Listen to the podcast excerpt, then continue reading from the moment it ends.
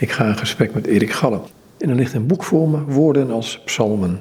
Het is een uitgave van uitgeverij Halewijn in Antwerpen en Adveniat in Baren.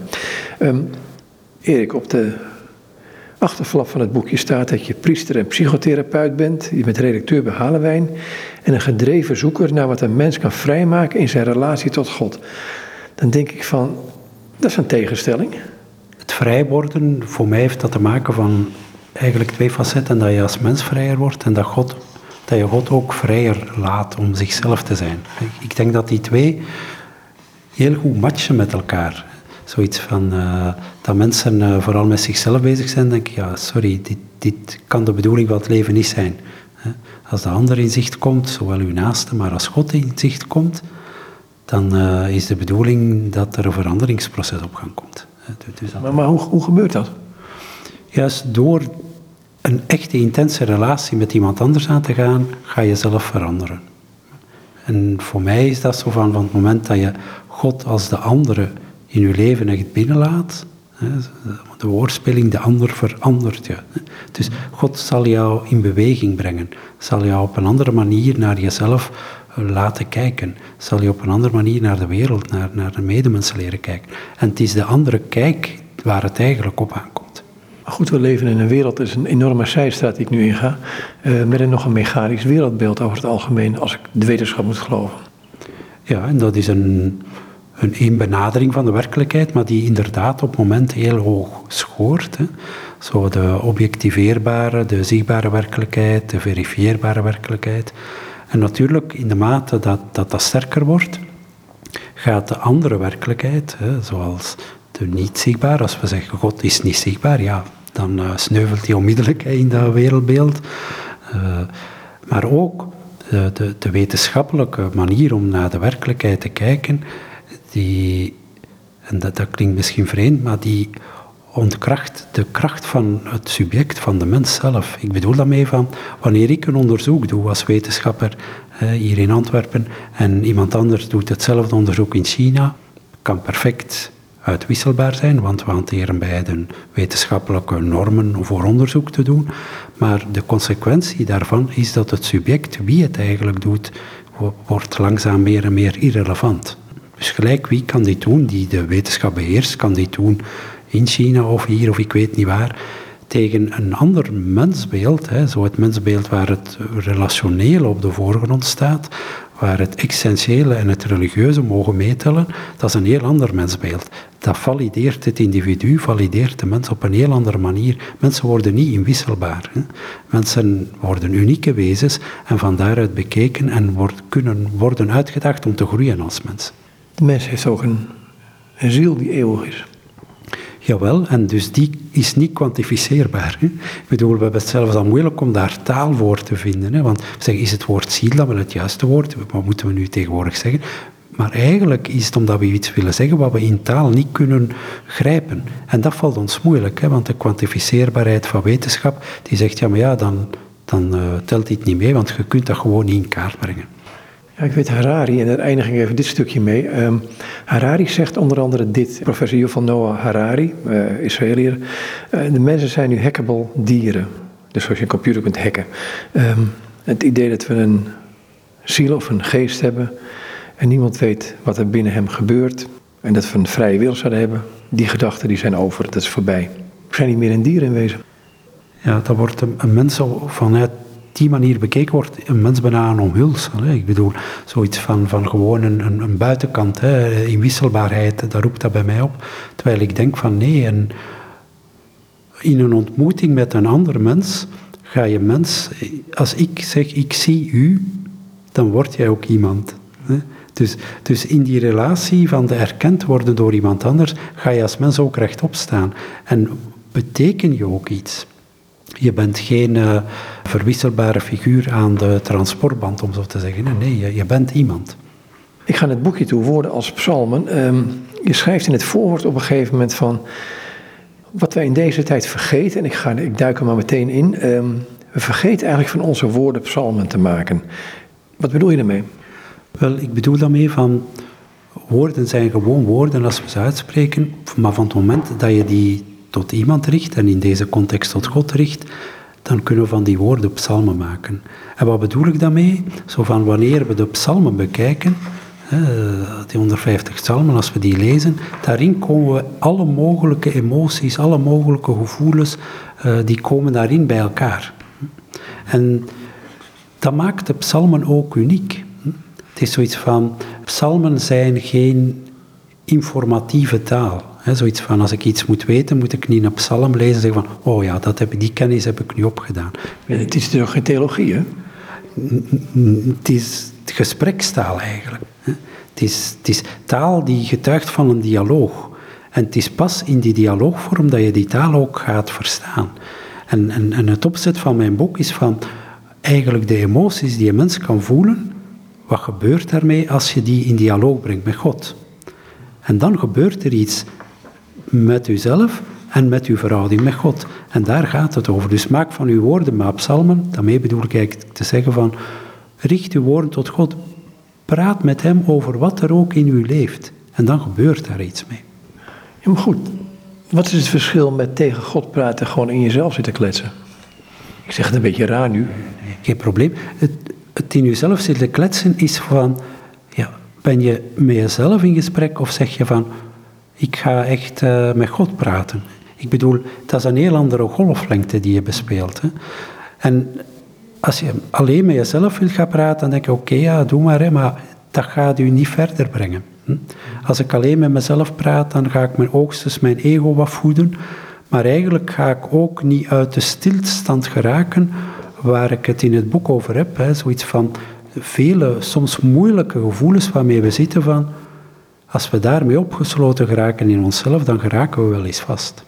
Zo een, uh, of één, zo'n aantal van de gedichten die erin staan lezen. Of, of um, ik wou me gewoon in het begin beginnen ergens. Uh, zijt gij dat, uh, bladzijde 8. In het begin met onbeperkte toegang tot God. Dat vind ik zo'n hele mooie. Dat het, het, het, daar begin je eigenlijk mee. het is je voorwoord min of meer. Um, ja, je kunt met alles, je hebt het al over de psalmen gezegd, je kunt eigenlijk met alles kun je bij God terecht.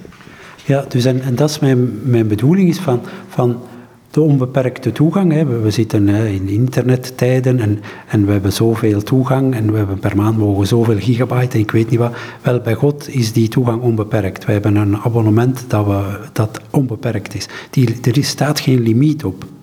En dat is geen limiet alleen niet in de hoeveelheid woorden die we met God willen uitwisselen, maar er staat geen limiet op van over wat we het ook willen hebben.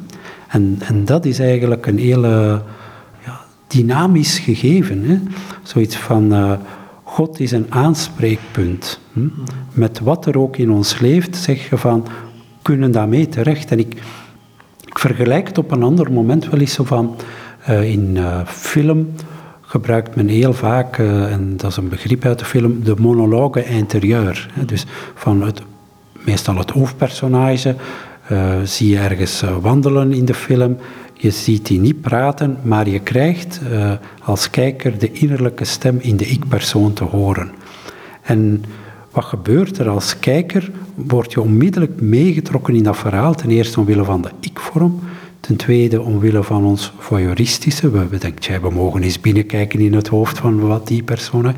En derde is van, we hebben eigenlijk zelf allemaal zo'n monologe interieur. In onszelf praten wij veel. En wat de bedoeling is van mijn boek, is van te zeggen van, van die monologe interieur, stel u eens voor dat je daar een dialoge interieur van maakt. Dat van alle woorden die in u opkomen, dat je zegt van, wel, ik kan die eigenlijk ook met God delen. En dan is uw innerlijke leefwereld eigenlijk betrokken op God. En dan ga je met hem praten zoals je met een vriend praat. Zo van, ik, als ik met een echte vriend praat, dan ga ik niet denken, dat ga ik niet zeggen, dat ga ik wel zeggen. Nee, dat durf ik niet. Dat, iemand die echt uw vriend is, ja, dan vertel je gewoon wat er is. En God zegt, ja, doe dat maar. Volstaat daar de verbeelding in? De verbeelding? Om, om je voor te stellen dat God er ook is. Of is, is daar bekering voor nodig? Of, of hoe, hoe kom je tot, het, tot dat besef? Dat komt niet van de ene dag op de andere, alvast bij mij toch niet. Ik, ik merk dat ik uh, in, in het begin van mijn gebed, wanneer ik uh, mijn bidden dat wat serieuzer begon te nemen, dat dat voor mij zoiets had van, uh, God kwam aankloppen, dat ik hem wel binnenliet, maar ik liet hem binnen in een soort mooie gastenkamer, waar alles uh, netjes en clean was. En uh, de dingen waar ik het moeilijk mee had, of waar ik mij voor schaamde, of, die zaten in een andere kamer verborgen. En daar had God geen toegang. En, en ik denk dat dat heel langzaam is, zo van in de mate van de omgang met God, dat die groeit, dat je ook, als dat is, ik vind die vergelijking correct, van in de mate dat die relatie groeit, groeit er ook een vertrouwdheid en een vertrouwelijkheid. En ga je ook andere dingen met hem durven delen. Dus, dus in die zin is niet alleen ik beeld me in dat God luistert, nee, die relatie groeit, waardoor ik meer en meer daarop vertrouw dat hij er is. En, en van daaruit ook meer dingen ga delen met hem. En na een tijd ook van in de mate dat die relatie zo sterk wordt, hij zegt van ja God, goh, wie ik ben, ja je kent mij en ik, ik deel het met u. En, en wat er in mij opkomt, goh, ik steek het niet weg voor u. Ik moet mij ook niet meer beter voordoen dan ik dat ben. Uw liefde is niet gebaseerd op, op mijn prestatie. Uw liefde is eigenlijk een cadeau. En, uh, en ik ga stoppen met mij beter voor te doen dan ik ben. Zegt gij dat? Uh, nou, je stelt de vraag. Bent u dat wel? Jawel, omdat... Ik stel het als vraag. Zijt gij dat? Omdat in die tekst komt eigenlijk de confrontatie die we het vaakst opdoen in ons bidden, is dat God zwijgt. En dat, dat ontwricht ons taalgebruik. Zoiets van, als wij tegen iemand iets zeggen, wachten wij, verwachten wij een reactie, wachten wij een wederwoord. Of verwachten wij dat we iemand zien en dat we aan die blik van die persoon zien van, die heeft ons begrepen. Bij God is zowel het wederwoord als het zien zijn functies die niet voorhanden zijn. En dat maakt het sowieso moeilijker. En daarom is zoiets van, wanneer ik praat tegen God, is er de eerste fase iets van gewenning van die manier van communicatie. Die heel eigensoortig is. Die eigensoortig is omdat er geen wederwoord is en geen eh, blik is dat je ziet van die persoon heeft mij verstaan. En daarom is heel die tekst wat opgebouwd in de zin van gij zwijgt. Wat ik ook zeg, gij zwijgt. Het is bijna het refrein. Maar wat gebeurt er bij de bidder? In het begin voelt hij dat zwijgen alleen als bedreigend aan, als van ja, afwezigheid. En in het midden van de tekst is er eigenlijk een ommekeer. Gebeurt er iets met de bidder, waardoor die eigenlijk plots beseft van God is aanwezig in dat zwijgen. Dat is zijn manier van aanwezigheid, is een en al er zijn, aanwezig zijn. En wat er in het boek ook is, dat is bij dit gebed, maar bij allemaal eigenlijk, wat heb ik geprobeerd bij het begin van die psalm een tekening te maken waar dat je ziet van zo voelt en bevindt zich in die situatie bevindt zich de bidder bij het begin. En wanneer je dan een paar bladzijden verder naar het einde doorbladert, dan zie je van wat is er met de bidder gebeurd. Hm? En die, er verschuift altijd iets in de bidder. En dat vind ik een mooi gebeuren. Bidden verandert ons als mens de openheid die de bieder ervaart op het einde van de psalm, wel, dat was niet gebeurd zonder dat hij dat in gebedswoorden, in psalmwoorden gebracht had naar God. En dat vind ik, die, die beweging is een unieke beweging. En de unieke beweging is er, bestaat erin omdat ik mij beluisterd voel, omdat ik mij gesteund en gezien weet. Gebeurt er iets met de emoties waarmee ik eigenlijk vast te geraken als ik op een eentje daarmee blijf zitten zit er ook iets in van, um, wat ik erin proef van, dat het zo wezenlijk is om, al is het maar in je verbeelding, al is het maar innerlijk, je gezicht of je blik op God te richten. En niet over hem tegen anderen te praten, noem ik het altijd maar, maar gewoon tegen hem te zeggen dit. En dat je natuurlijk je stomme verbazing antwoord krijgt. Jawel, dat je zegt van hier ben ik. Hm? Dus eigenlijk is dat het begin van. En, uh, en dat je dan zal merken waar God zegt, ja, maar ik, uh, je bent uh, op tijd voor de afspraak, ik was al wat vroeger. Hè? Dus, dus, dus dat, dat, dat, dat is het mooie van hier ben ik. Hm? Dus daarmee begint uw gebed. En eigenlijk is dat zo bijna zoiets van, uh, zoals je, die, die, die, bekende icoon van Rublev, hè, waar, waar de Triniteit, en waar ze als het ware rond een soort altaar, een tafel zitten, als ik het zo mag zeggen. En vooraan aan die icoon is een open plek aan die tafel. Ik heb altijd het beeld van, de Triniteit, dat die stoelen ook zo kunnen schikken dat er vooraan geen plaats was. Nee, de focus van heel die icoon is eigenlijk niet gericht op die icoon, maar op wie zich voor die icoon bevindt. En dat is eigenlijk het wezen van God. Het wezen van God is dat hij als het ware aan het wachten is tot wij zeggen, hier ben ik. Dus een soort omgekeerd perspectief. Echt, en dat is, het, dat is eigenlijk het vertrekpunt waar, waar, waar het boek ook over gaat, van God die zit te luisteren tot gij spreekt. En, en, en dat, dat is een heel mooi principe. Zo van wanneer je ook komt aanbellen bij God, dan zegt ja, ik, uh, ja, voilà, ik ben er. En, en dat, dus welke woorden er ook en welke emoties en welke gevoelens, je kan die delen. Hè. Zoals ik zei, zo de, de, de onbeperkte toegang is werkelijk heel reëel. Lees hem maar eens. We zitten tegenover elkaar. Gij zwijgt. Dat ben ik gewoon. Zo zijt gij. Ik ben degene die spreekt. Ik wil uw woorden ontlokken. Gij zwijgt. Ik ween, gij kijkt. Ik zie aan uw blik dat gij meer weet. Ik neem het u kwalijk dat gij niet spreekt. Gij zwijgt. Ik zwijg ook. Niet dat ik u wil imiteren, integendeel, ik zwijg tot gij het woord neemt. We zitten bij elkaar, gij kijkt. Ik ben het niet gewoon zo lang zonder woorden te blijven. Gij leert me kijken. Ik versta beter wat goddelijk geduld is, het is eindeloos. Straks is het veertig dagen dat ik zwijg. We zwijgen samen, gij kijkt. Ik voel u kijken, dat is nieuw. Bijna zeg ik, wat wilt gij zeggen? Ik hoef niet langer te spreken, ik weet het. Het is of uw kijken mijn verdriet heeft overgenomen. Mijn koppigheid is verdampt, ze laten leegte na. Ik ken die niet. Zijt gij dat? Zijt gij in de plaats gekomen van wat er in de weg zat? Hoe zijt gij zo in mij gekomen? Ik weet het niet. Gij zijt nieuw in mij. Zo zonder gebruiksaanwijzing zijt gij. Hoe ga ik u ooit leren kennen? Hoe zal ik zonder woorden ontdekken wie gij zijt? Waarom hebt gij mij in bezit genomen? Had ik een deur laten openstaan? Ik was zeker van niet. Ik had alles onder controle. Hoe hebt gij mij verschalkt? Is dat uw specialiteit, die overgang tussen buiten en binnen? Het lijkt of gij glimlacht. Ik beeld het me in, gij zwijgt. Ik wil een diefstal melden, woorden, zoveel woorden hebt gij gestolen, ik krijg ze niet terug. Hoe kan ik u ooit aanklagen? Geen mens zal me geloven. Heeft u in ruil toch leren zwijgen, zullen ze zeggen. Ik krijg uw geest als advocaat, ik vertrouw het niet. Hij komt van bij u. In de voorbereiding van het proces komt hij inwonen. Hij zegt wel dat hij voor mij opkomt. Ik aarzel. Zo'n proces duurt jaren. De voorbereiding ook. Is het jouw verhaal tot nu? Dat stuk van het verhaal ligt iets achter mij, maar het is zeker mijn verhaal. De, de, de ervaring van hoe ga ik komen uit het zwijgen van God. Hm? Zo van, of als ik, als ik een uur in stilte ben, zijn er nogal momenten dat ik denk, ja, wat zit ik hier eigenlijk te doen?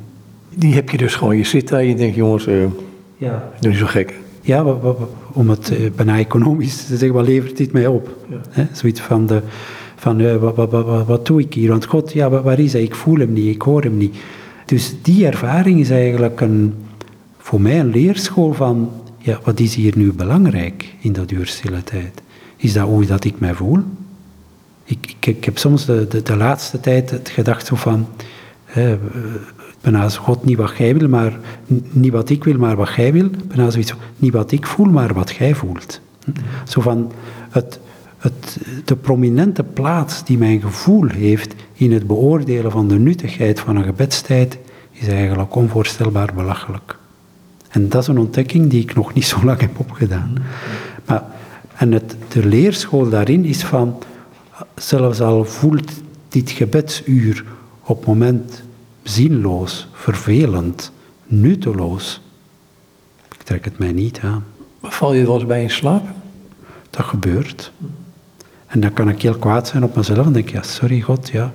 En God is dan zeggen, ja Erik, je zult mogen geweest zijn zeker. Hè? Is, is dat niet het grote dilemma wat we vaak hebben, dat we dan denken dat we gefaald hebben als christen, zeg ik dan maar? Ja, ja en, en dat is zo, we leggen onszelf een denkbeeldig verwachtingspatroon op, Terwijl ik zoiets heb van, ik ga natuurlijk niet naar het, mijn gebedsuur binnenstappen met het bedoel, ik ga nu een uurtje slapen. Dat vind ik iets heel anders. Hè?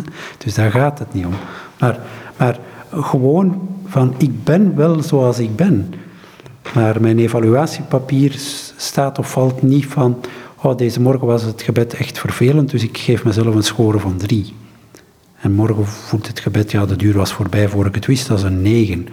Dus ik, heb dan, morgen zal ik goed gebeden hebben, vandaag slecht. Het is zo'n bizarre constructie rond onszelf en niet rond God.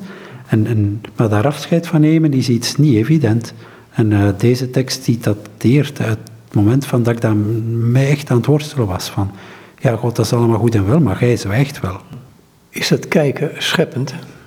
Gods kijken is heel scheppend, omdat het een liefdevol aankijken is, hè, zo van uh, evangelie. En Jezus keek hem liefdevol aan. Wel, die blik, die, er wordt niet gezegd wat hij zegt, er wordt gezegd dat hij liefdevol keek. En die blik, daar geloof ik wel meer en meer in. Dat God mij liefdevol aankijkt. En het is die blik die iets in beweging zet, dat voorbij de woorden ligt, dat iets relationeel uitdrukt. Het is niet van, zoals men wel eens zegt, van uh, ik zie u graag, ja, zegt de ander, ja, ik heb het genoteerd. Ik bedoel, het gaat hier niet over informatie, het gaat over relatie. En God die liefdevol kijkt naar een mens, die legt relatie. Ik moet denken aan de tekst van de eerste brief, de eerste brief van Johannes. Um, als we hem zien zoals hij is, zullen we hem gelijk zijn. Ik heb, ik heb dat een hele wonderlijke, mooie tekst gezien. Ja, en, en het groeien in gelijkvormigheid is van, hè, we gaan hem kennen zoals we zelf gekend zijn. Hè. Dus van, zoals God ons kent, zo gaan we hem nu zien we nog in de spiegel. En dat vind ik het mooie. Zo van, ik zie alles nog niet. Ik zie hem nog niet. Als ik kijk, krijg ik precies gevoeld hebben dat ik naar mezelf kijk, want hij antwoordt niet, hij zwijgt. Maar dan zullen we hem te volle zien zoals wij al nu door hem gezien worden. En dat is een liefdevolle blik. Pagina 92 is dat een uh, mooi stuk, Wees maar uzelf in mij. Uh, nou, mezelf zijn vind ik überhaupt een hele lastige. Uh, dat mag je uitleggen, want dan zitten we hier over een uur nog, denk ik. Ja, wat is dat onszelf zijn? Maar onszelf zijn, voor mij heeft dat te maken met in de waarheid gaan staan. Maar nog belangrijker is van het geloof dat we onszelf kunnen zijn als God zichzelf kan zijn in ons. Dat we dan dichter bij onze eigen waarheid komen. En, en dat, dat vind ik een, een, een eh, shortcut eigenlijk. Hè. Zo van naar wie we ten diepste zijn, is van hoe dat God naar ons kijkt. Hè. Dat is de waarheid over mezelf. En ik zeg niet dat dat simpel is, hè, dat ik daar altijd in slaag, dat bedoel ik echt niet. Maar eigenlijk wel, weet, ik weet dit eigenlijk wel. En dat weten, dat is, eh, dat is op zich iets bevrijdend van. Als ik mezelf heel negatief bekijk, dan zeg ik, ja maar uh, kijk toch eens even ook hoe God naar u kijkt. En uh, laat dat wat in evenwicht komen. En in de plaats van dat je over jezelf bezorgd bent, laat hem een keer zichzelf zijn in u. En een keer zien wat dat in u doet. En welke beweging dat teweeg brengt. En, en dat is altijd iets van openend, van bevrijdend. Ik vind het een merkwaardige opmerking. God zichzelf laten zijn in jou. Ja, omdat ik zoiets heb van uh, God die wil eigenlijk echt van, die komt uh, aankloppen met de vraag, mag ik mezelf zijn in u? Ik vind dit eigenlijk een heel mooie bevraging en zoiets van, dat betekent van, ja, ik wil eigenlijk leven door u. Mag dat? Uh, ik wil eigenlijk zichtbaar worden door u. Mag dat? Ja, en dan kom je jezelf tegen. Um, ik weet, Kierkegaard zegt in een van zijn, uh, dacht aan het einde van Of Of, in een van een gebed wat hij het einde uit, in dat boek, onder een pseudoniem. Um, tegenover God hebben wij altijd ongelijk. Ja, dat is een doordenker, maar ik denk dat het waar is. In die zin van het ongelijk hebben van het niet doorhebben dat Gods leven dat Hij in ons wil uitleven, dat dat ons ten volle gelukkig zou maken. Dus wij gaan daar een strijd mee aan met dat gedachtegoed. Terwijl eigenlijk dat heel bevrijdend is. Maar dat is zo het moeilijke van uzelf loslaten. Dan komt je zo voor een afgrond en zegt, ja, wie, wat blijft er van mij dan nog over? En God zegt, ja, maar ik, ik zal wel door u leven. Ja, maar ja, wie ben ik dan? Ja, maar jij zijt iemand in wie ik woon, zegt God. Dus wees maar gerust. Ik ben bij u thuis, dus er is een bewoner. Er zit vreemde, die vreemde tegenstrijdigheid altijd in van je leven verliezen om het te vinden. Ehm, niet ik, maar Christus. En tegelijkertijd, als Paulus het zegt, dan zegt Paulus dat wel. Ja, dus, dus het is eigenlijk, wij vinden dit een haast onmogelijke paradox. Hm? Zoiets van, uh, als ik mezelf verlies, dan ben ik verloren. Dat is, en maar, zei nee, als je wie zijn leven verliest, die zal het vinden. Dus dat, dat, is eigenlijk een heel krachtige boodschap. Zo van uh, verliezen en winnen. Wij, wij, als we vanuit onszelf vertrekt zeggen, ja, maar als ik het uit handen geef, ja, dan weet ik niet wat eruit voortkomt. En God zegt, ja, maar als je mij laat doen, ja, dan ga je ten volle mens worden, want dat is menswording. Hè? Menswording is niet van, uh, natuurlijk en vanzelfsprekend, is dat een volle, onvoorstelbare manier in Jezus Christus gebeurt, de menswording. Maar tegelijk is dat een soort proces dat nog geen einde kent. Dat God aan elke mens vraagt van, mag ik in u mens worden? En die vraag stelt God. En ja, als hij wil mens worden in mij, dan moet hij wel die ruimte krijgen. En het is bijna een ruimteprobleem. Als ik zeg, ja, je moogt, maar ja, ik kan u maar 10% van mijn leven geven, dan zal God zeggen, ja, dat, dan zal dat ook niet zoveel uitmaken misschien. Moet twee woorden denken dan. Uh, dat, is, dat, kwetsbaarheid en zelfhandhaving. Dat staat een beetje tegenover elkaar. Het laatste willen we graag, want uh, dan kunnen we ons goed verdedigen. Want we zijn het verdedigen wel waard, vinden wij. Ja, dus dat, dat is inderdaad een, een soort kringredenering. Hè? Zo van, uh, ja, je, mag toch niet te kwetsbaar zijn. Hè? Je moet jezelf zijn, je moet van je afbijten, je moet stoer zijn, je moet sterk zijn. Ja, om je ego te wapenen, klopt dit inderdaad als een bus. Maar als je zegt van, ik wil vanuit gelovig standpunt leven, dan zeg je van, ja, maar mijn ego, dat is niet de bestemming van mijn leven. Hè? Gods leven in mij, dat is de bestemming. En... Uh, het goddelijke leven dat in ons is en dat in ons wil vrucht dragen, dat is een heel andere dynamiek. Als we dat wil vrucht dragen, dan moeten we de grond bewerken en moeten we dat langzaam laten opschieten. En dan moet ons ego zeggen van ja, dat stukje grond, ja, dat, uh, dat geef ik uit handen. Wees met uzelf in mij, uh, als je dat wil lezen. Ik ben geschapen, gij niet. Hoe kan ik met u praten, tenzij gij praat in mij? Ik kan niet tot bij u klimmen, want ik zou niet weten hoe ik bij u geraak, tenzij ik afdaal in mezelf en u in mij ontmoet. Als uw hand mijn hart raakt om het te kneden naar uw beeld, dan word ik helemaal vervuld van een gloed die niet behoort tot iets wat ik ken, maar wel helemaal herken als van u. Uw ene aanraking heeft een verlangen in mij ontstoken dat niet minder is dan gij zelf zijt. Liefde is als woord te klein, maar als gave te groot voor mij die zo klein ben. Weglopen wil ik van deze ervaring omdat ik ze niet kan dragen, maar tegelijk weet dat ik niet anders kan dan er naar leven mijn hele bestaan. Ik ben bang, omdat ik nooit zal kunnen zeggen wie gij zijt en er geen woorden bestaan om uit te zeggen hoe diep gij mij beroert. Het kan niet anders of gij hebt uzelf in mij ontmoet. Ik moet nog aan u wennen. Mijn blik wend ik nog af omdat ik me helemaal onwaardig voel. Als het heilige in het niet-heilige zijn intrek neemt, dan davert het huis. Zo voelt het in mij.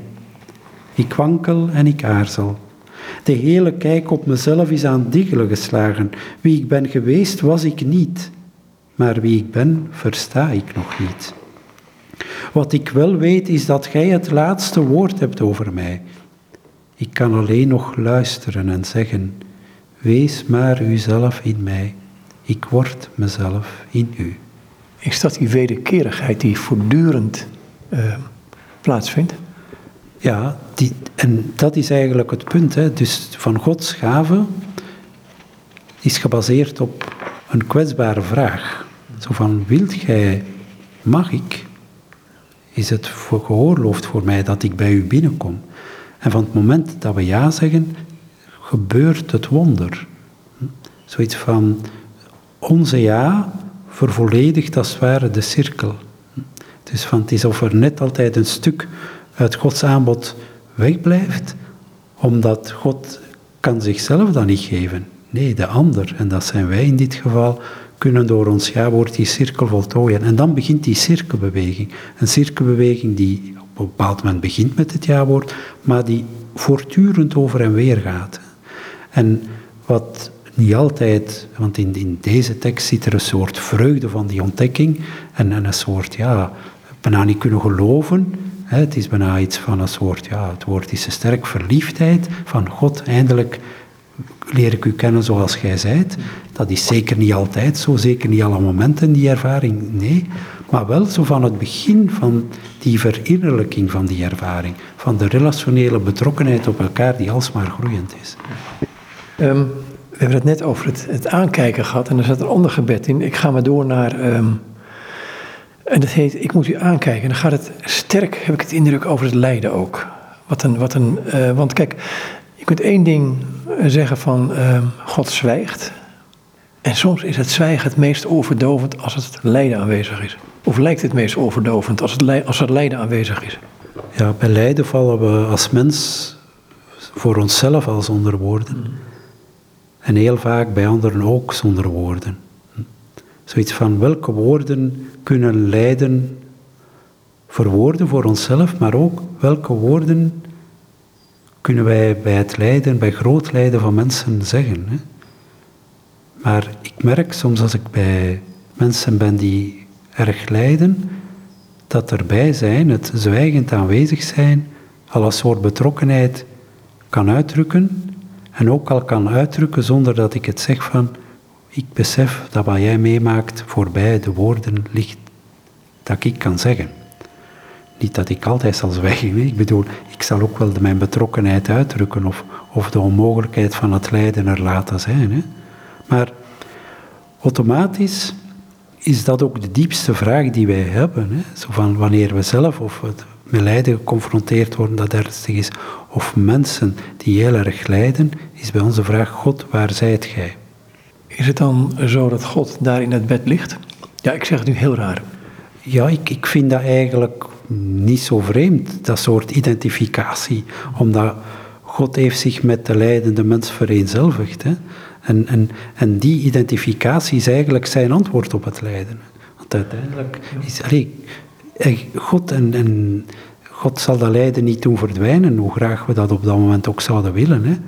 Maar God zal wel, en dat is een soort geloof, want wij ervaren dat dan niet altijd van, God is wel in die lijdende mens, is die een appel op mij. En als ik zelf lijd, mag ik ook weten dat God zich vereenzelvigt. Maar dat, dat is geen, geen hocus-pocus troost, helemaal niet. Hè. Is dan wel eens zo? Ik heb het zelf wel ervaren bij iemand die overleed uh, in een hospice. Dat, um, dat je ging erheen om de ander te troosten. Maar het, uiteindelijk was de beweging een andere. Jij werd getroost door degene die daar ook vol verlangen naar Jezus lag. Moet ik er eerlijk bij zeggen. Het was niet, was niet geen, geen ja, het, het, het, duurt lang, maar goed, het, was geen uh, wanhopig iets nemen. Ik, ik, heb zelf ook die ervaring bij momenten dat je inderdaad, uh, dat je denkt, ik moet ik weet niet wat gaan doen, ik moet ik weet niet wat komen geven want ik ben de sterke, zo gezegd, en hier ligt iemand die, die, die, die heel veel moet lijden. Maar dat je inderdaad de ervaring kan hebben dat je zelf opgebeurd terug naar huis gaat. En dat je denkt, hoe komt dit nu? Uh, en ik denk dat dit vaak ook veel te maken heeft met hoe iemand daar zelf dan mee omgaat. En de openheid en een soort wonderbaarlijke sereniteit heeft, waar ik denk van, ga ik op dat moment zo sereen zijn? Ik weet het niet zullen dat zien. Hè? Ik bedoel, zo van dat je zelf geraakt wordt door hoe iemand met lijden omgaat. Uh, dat je onder de indruk komt daarvan. Ja. Maar goed, je hebt een, of een gebed geschreven, ik moet u aankijken. Dat heeft ermee te maken, bladzijde 116. Weet gij dan niet dat lijden een mens in een steen kan veranderen? Zijt gij werkelijk blind voor de werkelijkheid van het neergehaald worden door pijn waar niemand tegen bestand is? Waarom hebt gij bij uw schepping toch uitzichtloosheid op uw lijst gezet van te ontwerpen dingen? Ik versta niets van u. Het zachte snikken tot het luide roepen, het raakt uw dove oren niet. Gij die alles kunt, blijft werkloos zitten. Zijt gij met vakantie? Telkens weer lijkt gij te zeggen, geen commentaar, wanneer ik u bestook met mijn vragen. Al mijn smeken stuurt gij terug naar afzender. Ongeopend krijg ik mijn vragen op mijn eigen hoofd terug. Gij maakt ze tot een boemerang. Is het werkelijk uw enige bedoeling mijn onmacht te vergroten? Hoe lang blijft gij die doen? Waar haalt gij het om te blijven zwijgen? Verantwoording afleggen is toch niet, niet alleen iets voor ons mensen? Wanneer raapt gij de armen op? Tilt gij de rouwende uit de dieperik? Uit de duisternis treedt gij mij tegemoet. Ik zie u niet goed. Maar wat ik zie raakt me. Het is uw zoon. Ik herken hem aan de wonden in zijn voeten en zijn handen. Het litteken in zijn zijde spreekt meer dan wat gij zou kunnen zeggen. Gij slaat mij met verstomming. Uw antwoord op het lijden zijt gij zelf. Schaamte overvalt me, omkeren wil ik me. Gij laat dit niet toe. Ik moet u aankijken. De blik van iemand die weet wat lijden is, is volgens u de enige troost. Dank u hiervoor. Raak hier ook, wat je ook in het boek Job vindt, uh, niet een enorm wezenlijk iets? Uh, het antwoord op het lijden bent u zelf. Dus uh, je krijgt geen antwoorden waarom en hoe. En uh, je krijgt geen woorden, maar in wezen alleen die aanwezigheid van God. En, en beseffen wij dat vaak niet te weinig. Tenminste, ik wel. Ja, en ik, maar ik vind ook lijden, dat heeft zoiets van uh, impalmend. Hm? Wanneer we zelf lijden of geconfronteerd worden met, groot lijden van andere mensen, dat, uh, dat, dat knaagt zo aan ons dat, dat het onze blik vertroebelt. Hè? Dus, dus dat dat eerst komt in ons kijken. daarom ook dat dit gebed eigenlijk start met een regelrechte aanklacht tegen God van hoe kan dit als jij zegt goed te zijn dat dit bestaat en dat je zwijgt, dat je zelfs niet verantwoordt hiervoor. Geef dan een reden waarom. God zwijgt. En het enige wat hij zegt is niet door spreken, maar door een aanwezigheid. Ik denk dan altijd aan Christus die eigenlijk op zijn tocht naar Jeruzalem, wanneer het allemaal meer in oude schoentjes kwam te staan, had kunnen zeggen van nee, ik stop die tocht. Nee, hij is het lijden als het ware tegemoet gegaan, hè, in de zin van als een consequentie van zijn manier van leven. En het is alsof Christus dat telkens opnieuw doet. Dus de, de, de, de leidende dienaar die Christus is, wel, dat is Gods antwoord. En dit antwoord bevredigt niet. Nee, het, is eigenlijk moeilijk te geloven. Zoiets van, ik worstel daar zelf ook mee op zo'n momenten. Van, ik wil het wel geloven en ik zeg, ik geloof het, maar in mijn ervaring gebeurt weinig dat ik dit zo ervaar. Zoiets van, dat is echt geen uh, of hoe moet ik het ook noemen, of, of, of het lijden uh, adoreren. Nee, het is juist het omgekeerde bijna zo voelen van, God, ik kan dit niet dragen, waar zijt gij? En Gods luisteren, daar geloof ik wel dat dat blijft bestaan. Maar het antwoord in mijn voelen en het opgelucht zijn, ja, dat is iets dat me meestal ontsnapt op zo'n moment. Ik weet dat ik een interview had met de weduwe van een zangeres in Nederland. Um, die op, in de dertig was, zij dat ze overleed, dacht ik. En haar werd op een gegeven moment de vraag gesteld, toen ze nog leefde. Ze wist dat ze zou gaan sterven, van... Wat zijn je vragen aan Jezus? En zei ze, ik heb geen vragen meer. Ik ga hem zien. En dat is genoeg. Ja, ik kan alleen maar, hoe moet ik zeggen, in, in, stille bewondering voor staan, in de goede zin van het woord van bewondering, van, van Mensen kunnen soms door lijden heen zo'n uh, alertheid, uh, ook in uw geloof, beleven, dat ik daar stil van word. Van, van een teken van zo'n innerlijke groei en openheid over wie God is en het vrede nemen met het lijden en de dood, ja, dat ik daar stil van word. Ja. Een van de aspecten die ook in het boekje naar voren komt, is de liefde. En vooral het laatste stuk, uw ongrijpbaarheid is als een wegomleiding. Misschien kunnen we daar uh, heen gaan. Het is of gij bij de schepping uzelf in snippers hebt uitgestrooid over alles en iedereen. Als ik u wil verzamelen, wordt me duidelijk dat dit me nooit lukt. In oneindige nuances toont gij u, zoveel als er ter wereld kleuren bestaan. Uw ongrijpbaarheid is als een reis die nooit eindigt. Uw bereiken is onmogelijk. Gij moet van puzzels houden, telkens weer krijg ik een stuk van u. Soms past het in wat ik al gekregen heb van u, andere keren brengt gij mij helemaal in de war. Nu eens hoor ik u in de zachte bries, dan weer in een mens die geen woorden vindt om uit te drukken, drukken hoe diep hij wel zit. Als in een prisma doet gij me kijken, een leven doolhof zijt gij. Zo ingewikkeld als zelfs als ik u wil verlaten, me dat niet lukt. Nu eens ervaar ik u in mij, maar op een ander moment zijt gij te dicht om een zicht te krijgen op u. Dan weer lijkt gij helemaal anders dan ik had gedacht, waardoor ik het gevoel heb opnieuw van start te moeten vertrekken. Zoals een lichtschakelaar die maar heel kort aangaat, zo leer ik u kennen. Dit schamele aanschouwen is alles wat me gegeven wordt. Gij zijt Exodus. Uit alles waarin ik u opsluit, ontsnapt gij alsof dit uw leven is. Ongrijpbaarheid hebt gij tot kunst verheven. Tegelijk zijt gij heel inventief om langs steeds andere wegen tot mij te komen. Gezocht wilt gij worden, niet omdat gij verloren loopt, maar omdat gij verlangt bemind te worden. Ik denk dat het ook uit een van jouw boeken komt, waarin je zegt van, het is voor God onmogelijk om ons het liefde te dwingen. Ja, dus liefde als ik tegen iemand zeg van uh, ik zie u graag en die persoon zegt tegen mij ja Erik, ik u niet, dan sta ik daar. Ik kan hoogstens nog eens zeggen maar ik zie u echt graag en die persoon zal zeggen maar ik heb het u al gezegd, laat mij gerust. Maar als God tegen mij zegt Erik, ik zie u graag, dan kan ik perfect hetzelfde zeggen. God, sorry, het is niet wederkerig. Dus liefde is inherent aan liefde is dat je het niet kan afdwingen. Van het moment dat je liefde zou afdwingen, is het geen liefde meer, ontkent zichzelf. Dus in die zin is God eigenlijk een, een kwetsbare God, omdat hij liefde is. Het dwingen, dat is iets, die, uh, dan zit je buiten de liefde te denken en buiten de liefde te handelen. En, en Gods kwetsbaarheid is in die zin een, een gave, omdat die een en al uitnodiging is.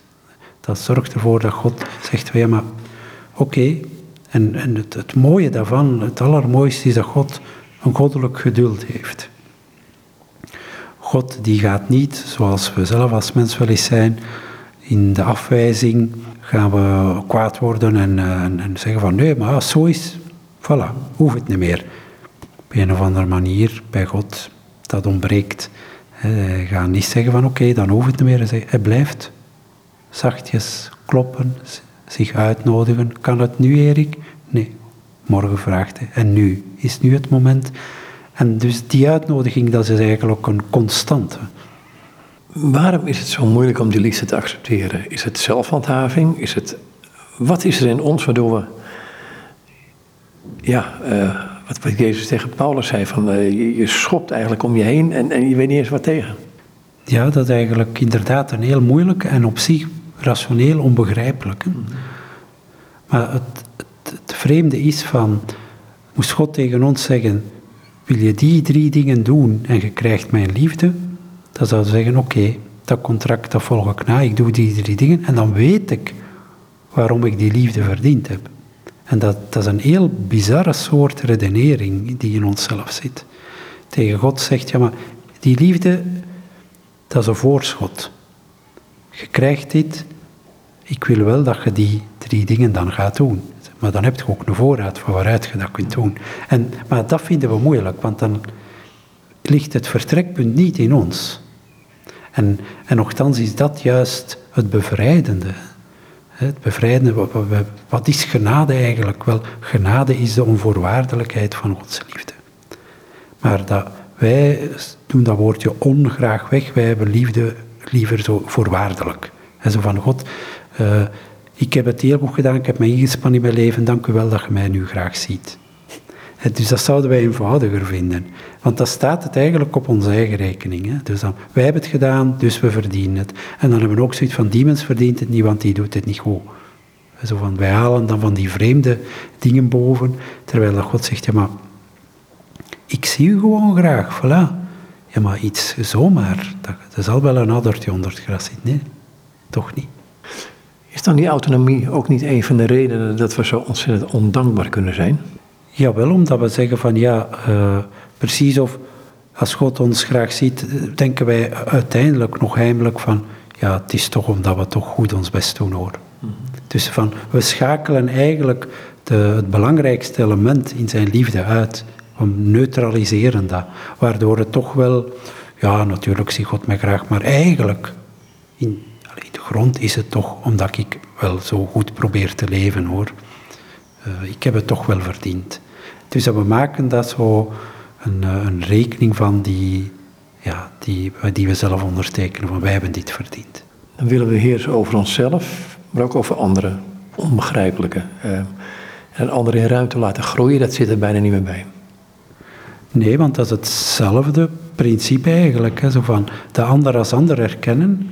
Hè, dat, dat is voor ons altijd moeilijk. Het is precies of we moeten terreinprijs geven, onze eigen gelijkprijs geven, onze eigen visie delen. Hè, dat dan begeven op ons terrein, zoiets van, van ons eigen domein, gaan we in de ontmoeting staan en dan krijg je kom je aan grensgebieden. En, en dan moet je geregeld ja, grensconflicten eens oplossen. Of moet je zeggen, ja, misschien ligt mijn grens wel helemaal verkeerd. Of misschien oordeel ik, voordat ik echt geluisterd heb, wie die mens is of wat die mens bedoelt. Ik ga nog even naar het kijken terug. Um, dan gaat het verhaal van de heilige persoon van Ars. Dat zul je waarschijnlijk wel kennen. Het boertje wat dan naar de kerk komt en nooit de biecht gaat. En dan vraagt geen na verloop van tijd die, die heilige pastoor van Ars of Jean Vianney, toch maar van, eh, wat kom je nou eigenlijk doen? Ook een rare vraag natuurlijk, maar goed. En dan zegt het boertje alleen maar, ik kijk naar hem en hij kijkt naar mij. Of hij kijkt naar mij en ik kijk naar hem. Die, is dat genoeg in het zwijgen? Terwijl je tegelijkertijd zegt van het zwijgen, dat is soms heel um, confronterend. Omdat zeker in het lijden kan het enorm vervreemdend zijn. Ja, en, het, en dat is niet gemakkelijk. Hè? Want dus wat wij op dat moment willen is van wij willen troost ervaren op de manier zoals wij als mens gemakkelijk troost ervaren. Dat iemand ons een woord zegt, dat iemand ons iets vastneemt. Dus dat is voor ons menselijke troost. En wij willen als het ware God, alleen God, pak ons vast, zeg een bevrijdend woord, til ons op. Zoiets bijna van, je kunt het toch, waarom doe je het niet? dus dat is de eeuwige vraag rond lijden die, waar wij nooit mee klaarkomen. En die, we kunnen daar theoretisch antwoorden op zoeken, maar uiteindelijk is dat de vraag die onbeantwoord blijft. Dus, dus uh, ook, als gelovige is dit niet zomaar opgelost. Dus als, als de confrontatie met het lijden, ernstig lijden is, is dat zo, blijft die confrontatie. Want op zich is de wederzijdse blik waar je het over hebt, van hij kijkt naar mij, ik kijk naar hem, weet ik van, daarin is het geheim verborgen. Maar tegelijk op dat moment ben ik daar niet tevreden mee. Ik wil dat dit lijden stopt. Ik wil dat die mens nu niet sterft. Want ik zie die graag of ik wil... Ik, ja. En God gaat mee, als het ware, kom naast mij zitten in die onmacht. En ik wil dat niet, want ik zeg van ja, ik wil niet uw onmacht, God. Ik wil dat je er iets mee doet. En dat is moeilijk.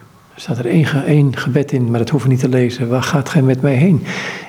Hebben wij zicht op God en hebben wij zicht op de eeuwigheid? Of zijn we toch te veel op het aardse nu gefocust? Oh, ik, ik denk altijd voor mezelf, het woord eeuwigheid is zo van, dat begint niet na mijn leven, dat begint nu al. Ik vind dat al iets ontspannend rond dat woord. Want dat is zoiets van, ja, dat, dat... Nee, eigenlijk stap ik nu in een soort tijd binnen die Gods tijd is. En God die bekijkt die tijd helemaal anders. Dus, want in mijn denken zit de laatste tijd zelfs zoiets van. Voor ons is tijd iets, oftewel is voorbij, oftewel moet het komen. En ik heb soms het gevoel, dat is vanuit mijn denken, ik kan dat niet bewijzen natuurlijk, is van, voor God is alles in een eeuwig nu. Zoiets van, de tijdsaanduidingen voor God, ik, ik, denk niet, die zit dan niet met een uurwerk, ik bedoel. Dus, en ik weet niet hoe dat ik me dat moet voorstellen, maar ik heb wel de intuïtie van, ja, voor God is dat, die zit niet met de tijd te tellen. Hè?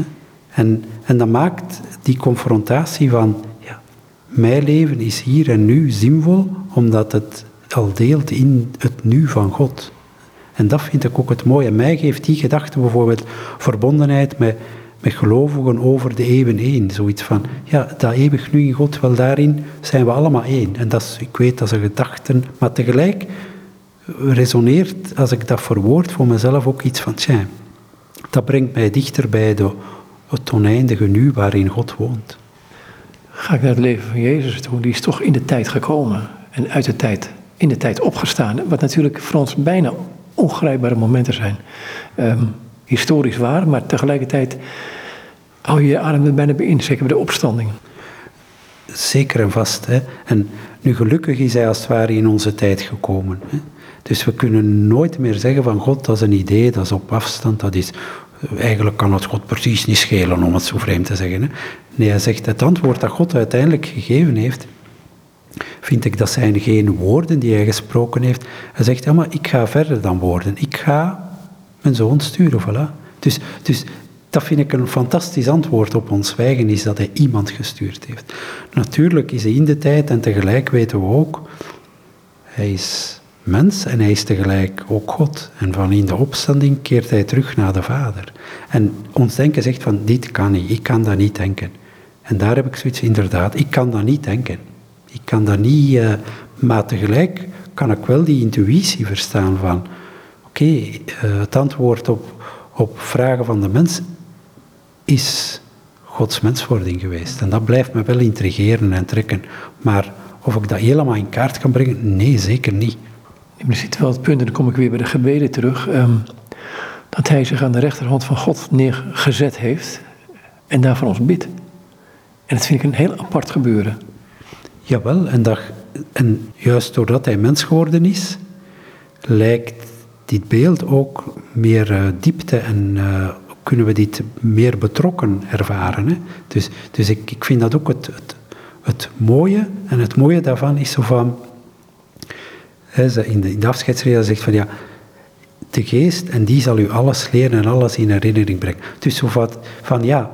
Uh, mijn gebed bij de Vader, wel, de geest biedt aan u in u. En dat vind ik zoiets van, waardoor die, die trinitaire beweging terug gebeurt. Zo van, uh, in de tijd, uit de tijd, wel de geest die, die is er hier en nu en altijd. Goed, um, ik wil nog één keer naar het boek terug, uh, woorden als psalmen. Misschien kunnen we nog één gebed uit voorlezen. En ik sla het maar willekeurig open. Er staat boven, zwakheid is toch geen cadeau. Als je dat wil lezen. Als ik u vraag om mijn zwakheid aan te nemen, geeft gij niet thuis. Als sterk weigert gij ze in ontvangst te nemen. Doet gij dit om mij te tergen? Beseft gij wel de consequenties van zulke beslissing? Uitgerekend datgene waarvan ik verlost wil worden, moet ik behouden. Waarom? Hebben de roepers dan toch gelijk dat het u erom te doen is mensen klein te houden? Zwakheid is toch geen cadeau?